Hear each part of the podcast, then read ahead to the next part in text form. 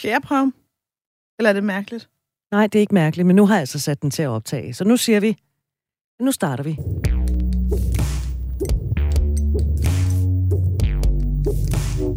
Jamen, altså efter vi lavede den der med øh, Mathias Stølen du, der gik jeg og tænkte lidt over, at, øh, at jeg tænkte, at måske nogle af jer, der lytter med, godt kan tænke, nå ja, men det kræver bare enormt meget, jeg ikke har. Jeg er virkelig udbrændt, træt, småbørnemor og far, der ikke har fem minutter til hverken at tænke over de her ting, eller gøre de her ting. Og hvad gør man så?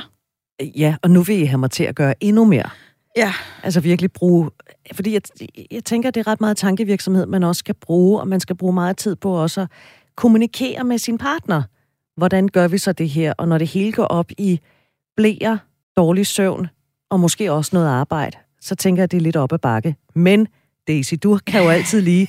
Dine ærmer, de er så vige, og det er det, fordi du har så mange gode råd i dem. Jamen tak. Jamen altså det ene, jeg har lyst til at sige, det er, jeg tror, det er mindre. I virkeligheden, så kommer vi til at sige, jamen bare forhold også bare hårdt arbejde, og vi skal også gøre alle de her ting. Men nogle gange er det faktisk også, at vi sparer os selv for en masse arbejde, og vi sparer os selv for en masse konflikter, og vi sparer os selv for en masse tid, vi bruger på hjertesorg og sidde og google, øh, hvad gør man, øh, skilsmisse, hvad koster det? og alle mulige andre folk googler om søndagen, ikke? Men det handler om, at vi skifter vores mindset. Og jeg tror, det der med at lære at begynde at tænke på nogle andre måder, lidt ligesom vi var lidt inde på med Mathias, lære for eksempel at sige, jeg savner at være sammen med dig, eller har du lyst til at sætte dig her ved siden af mig i sofaen i fem minutter og kysse, frem for at sige, jamen du ser mig heller aldrig, og der er heller ikke noget nærvær i det her forhold. Ikke? det er jo et eller andet sted den samme længsel, men det gør en kæmpe forskel, hvad vi kommunikerer. Og der er lidt, jeg ser det nogle gange lidt som en, en knap. Vi skal ligesom trykke på en eller anden knap inde i os selv og lære at gøre noget på en anden måde. Men det kræver jo også, at vi så tager tiden til at tænke os om, inden vi taler. Fordi det, det som du nævnte der med, at du ser mig heller aldrig, det er jo sådan en automatreaktion, ikke? Præcis. Lige pludselig, så har man sagt den, og så kan man ikke hive den tilbage. Så det kræver i virkeligheden også tid. Det kræver også tid, ikke? Og så tænker jeg også lidt over det der med, ja, jeg synes også, det kræver tid. Og det er også vigtigt, jeg tror, altså, hvis der er noget i råd, jeg har givet til vortende forældre sindssygt mange gange, så er det, prøv nu at prioritere at få noget tid sammen.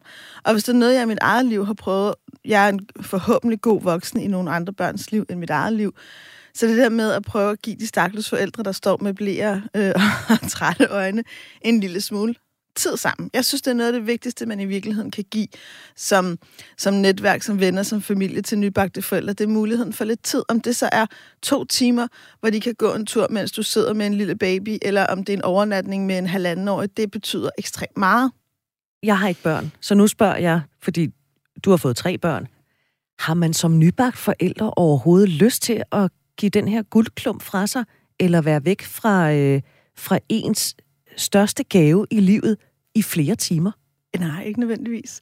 Men, men at man ikke har lyst til det, er ikke nødvendigvis det samme som, at det ikke kan være en god idé at gøre alligevel. Der er jo masser af ting, vi gør, ikke af lyst, men fordi vi ved, det er klogt. Jeg tror faktisk, og nu snakker vi ikke om en baby på seks uger, eller altså, det, for nogen sker det, det er lidt forskelligt, hvornår det sker, men jeg tror også, der kan være noget godt i, jeg kan selv huske, hvornår en af mine første skridt, det var, da jeg gav vores, hun var så ret lille, vores datter til min mand, og sagde, nu går jeg en tur med vores søn. Og det var faktisk ikke, fordi jeg havde lyst, men det var, fordi jeg vidste, jamen han har også brug for, at jeg er nærværende over for ham.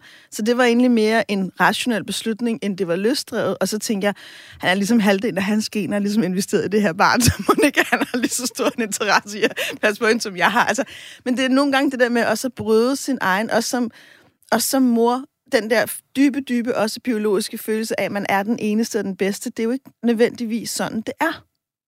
Og da du dukkede op i dag, der nærmest sparkede du døren ind til studiet op, og så råbte du, It takes a village to raise a child. Ja.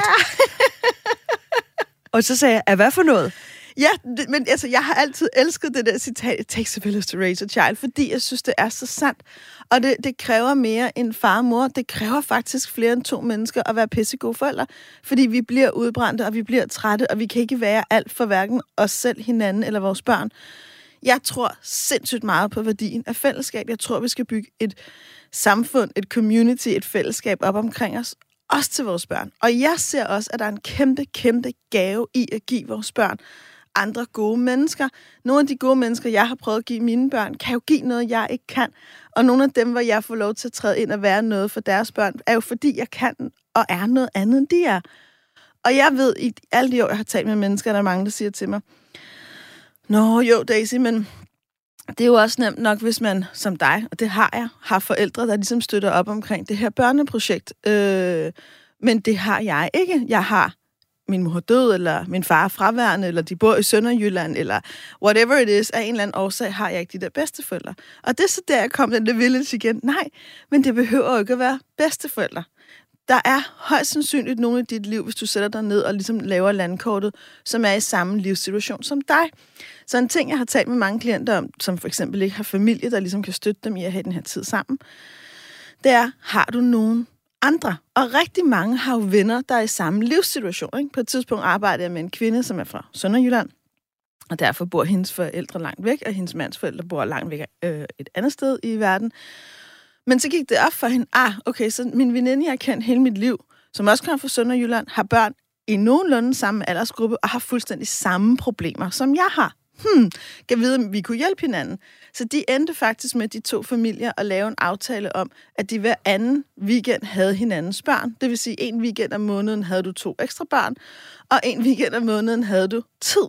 Fri, fri, fri til bare at være dig selv og så er der mange, der siger til mig, Nå, men er det ikke lidt egoistisk, det der med, at man gerne vil have tid uden børnene? Jo, men kære ven, hvis du bliver skilt, så ender du højst sandsynligt i en 7-7-ordning. Det er en lang diskussion. Men så er du jo også væk fra dine børn. Er det ikke måske bedre så at tage de der 24-36 timer en gang om måneden, og faktisk træde ud af den forældrerolle og fylde dig selv lidt op, end at slide dig selv og dit parforhold så meget ned, at du ender med at være nødt til at gøre det. Og så er der de sidegevinster, nemlig at hvis det så er for eksempel et vennepar, der har børn på nogenlunde samme alder, der kan blive knyttet nogle ret øh, tætte bånd mellem de børn, men også, jeg tænker, når ens børn så bliver ældre, det er måske ikke alt, man har lyst til at tale med sine forældre om, men så har de sådan et, ikke et ekstra sæt forældre, men nogle andre voksne, de måske har lyst til at være fortrolige med. Præcis. For mig er det jo det, der... Det er jo, ja, tak fordi du siger det. For mig er det jo det, der er essensen af gaven i det. Det er jo både, det giver os noget som voksne, og så kan vi tage den der tid til sex, som Celestine også har snakket om, at vi skal bruge to timer på en massage, hvad ved jeg, ikke? Men vi kan også give vores børn muligheden for at have tætte relationer. Og, og netop også, når det handler om seksualitet, intimitet, kærester. Jeg er ikke sikker på, at forældre altid er de bedste. Og jeg håber da af hele mit hjerte i mit liv. Jeg har blandt andet en, øh, jeg har en onkel Rasser, jeg har en, øh, en, en svigersøster, det er min mands søster, hendes mand, og jeg har da meget eksplicit sagt til dem, fandme Rasmus, jeg håber fandme, du gider at være onkel, og være ham, der snakker med min søn om kondomer, for jeg tror, han brækker sig i lovtykke strøder, hvis, min mor, hvis jeg begynder på det, ikke? Og jeg er købet uddannet til det, ikke? Men jeg håber da også, at hans og, og min øh, svigerinde, søn og datter, som jeg kender ret godt, kan bruge mig til noget. Og jeg har også tænkt mig at melde mig ind i kampen, og jeg har også tænkt mig at være på hver en social medie, de bruger en gang i fremtiden, og like deres ting, og komme til deres ting. Og det er noget af det, jeg synes, der er vigtigt, når vi kommer, når børn er små, og vi gider sidde og læse den der bog for 27. gang med, med bolden, der er rød, og firkanten, der er grøn. og alt muligt andet, man bliver virkelig bliver fuldstændig sindssyg af, ikke? Eller man gider se deres fodboldkamp, eller man gider købe en eller anden julegave, forældrene han hader. Så handler det jo om, at vi bygger en relation op til fremtiden. Det må vi aldrig glemme. Så den øvelse, man kan gøre, så hvis man er nybagt forældre, det er, hvis man ikke har et umiddelbart familiært netværk i nærheden, eller man måske ikke har et øh, familiært, familiært netværk, som man synes, man har lyst til at bruge, så lige kig på, hvilke andre relationer har jeg? Hvem har jeg i min venskabskreds? Hvem kunne jeg lave en lille klan med? Hvordan kunne vi hjælpe hinanden? Og så tage kontakt og tage en snak om det. Præcis. Og jeg vil også sige, når man får lidt større børn, for eksempel skolebørn, så opdager man jo også, at man har potentiale for en masse nye bedste venner. Altså i virkeligheden mennesker, som er i fuldstændig samme livssituation som dig. Hvis børn går i den samme klasse som dig, der er rigtig meget mulighed for fællesskab. Der er rigtig meget mulighed for at hjælpe hinanden. Om det er at køre børnene sammen til svømning, eller om det er at lave fællesmiddag en gang imellem, eller om det er at være en god voksen i nogle andres liv. Det betyder sindssygt meget. Så vi skal ikke tro, vi skal være alt for vores børn selv. Det var et råd til dig som forælder, hvad enten du er nybagt eller øh, gammel i går. Har du erfaringer, du vil dele med os, så skriv til os lyst radio4.dk.